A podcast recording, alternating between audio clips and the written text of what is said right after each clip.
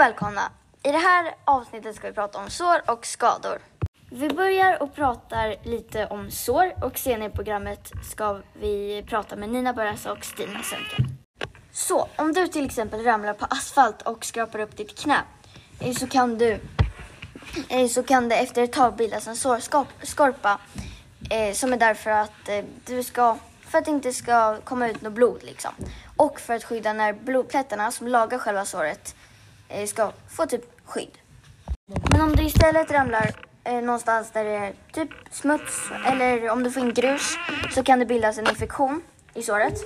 Eh, och det, då kan du få lite gul gegga som kallas var.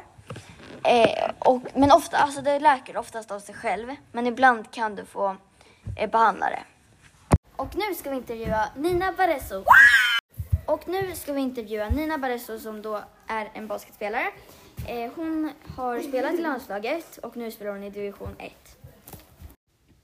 Hej Nina!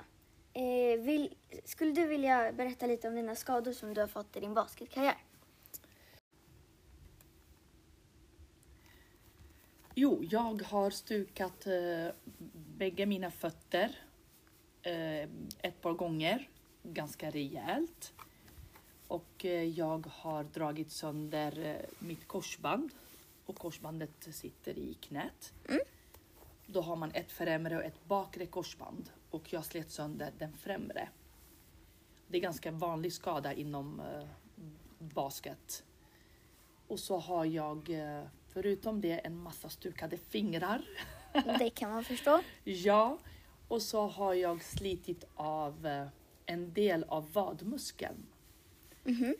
Det är de större skadorna jag har åkt på. Ja.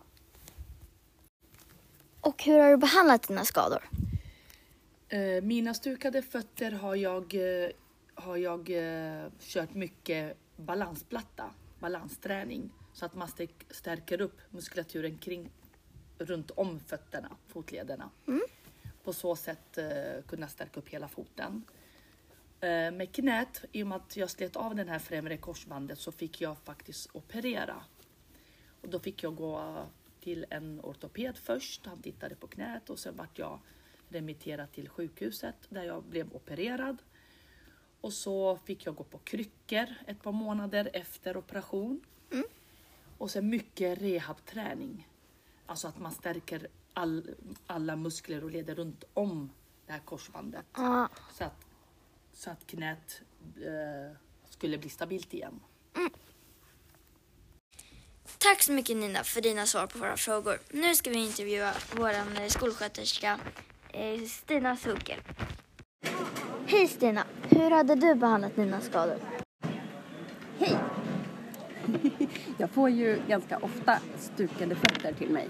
Ehm, de som kommer med stukade fötter. Och oftast är de inte stukade, oftast är de lite vrickade. Men om det är en riktigt stukad fot, då märker man det ganska snabbt. Då kan man inte stödja på den.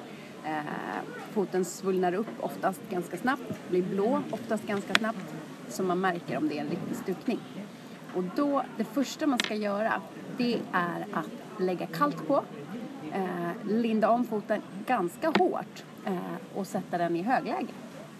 Alltså foten högre än hjärtat. Då kan man ju ligga ner och lägga upp foten. Så efter en stund så kan man linda av det där eh, och göra lindan inte lika hårt. Men det vill man göra så att inte foten blir så svullen. Det är därför man lägger kallt på. oss.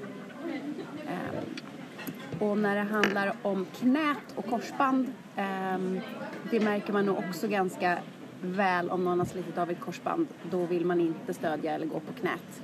Ehm, och den hade jag nog skickat till akuten eller till närakuten direkt för att en läkare skulle kunna göra den bedömningen. Ehm, Och fingrarna? och fingrar, stukade fingrar. Ja. Såklart väldigt vanligt i basket. Jag hade faktiskt en stukad finger här för något år sedan som kom när fingret står helt konstigt. Och man ser liksom att den nästan har hoppat ur le. Ja. Ehm, den skickade jag också till närakuten. Att då kanske de behöver dra den till rätta. Ja. Eh, men ehm, är den stukad och inte står felställd som man säger.